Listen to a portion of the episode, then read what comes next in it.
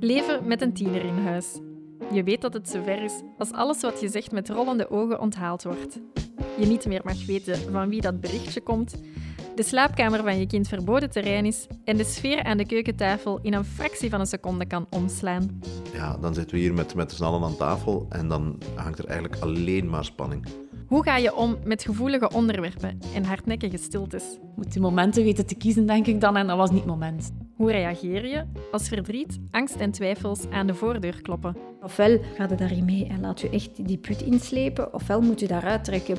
Daar wil ik antwoorden op. Ik, dat is Stefanie. Ik werk voor CM en ik vraag me af wat er tussen de vier muren van andere gezinnen gebeurt. Met welke tips kan je echt aan de slag als je kind zich plots ontpopt tot een tiener? We weten dat jongeren veel, veel, veel gevoeliger zijn voor beloning en positieve feedback dan voor straffen. Hè. In elk van deze vijf afleveringen duik ik in een veel voorkomende uitdaging bij tieners. Telkens met één ouder en één expert. Die dwarse puber hè, die dan met slaande deuren naar boven holt, ook die heeft mogelijk wel gehoord wat jij eigenlijk te zeggen had. Welkom bij Pubernesten.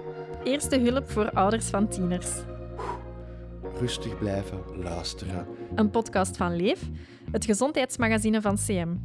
Over de gezondheid van ouders en hun puberkroost, in de breedste zin van het woord. In je favoriete podcast-app of via leefmagazine.be.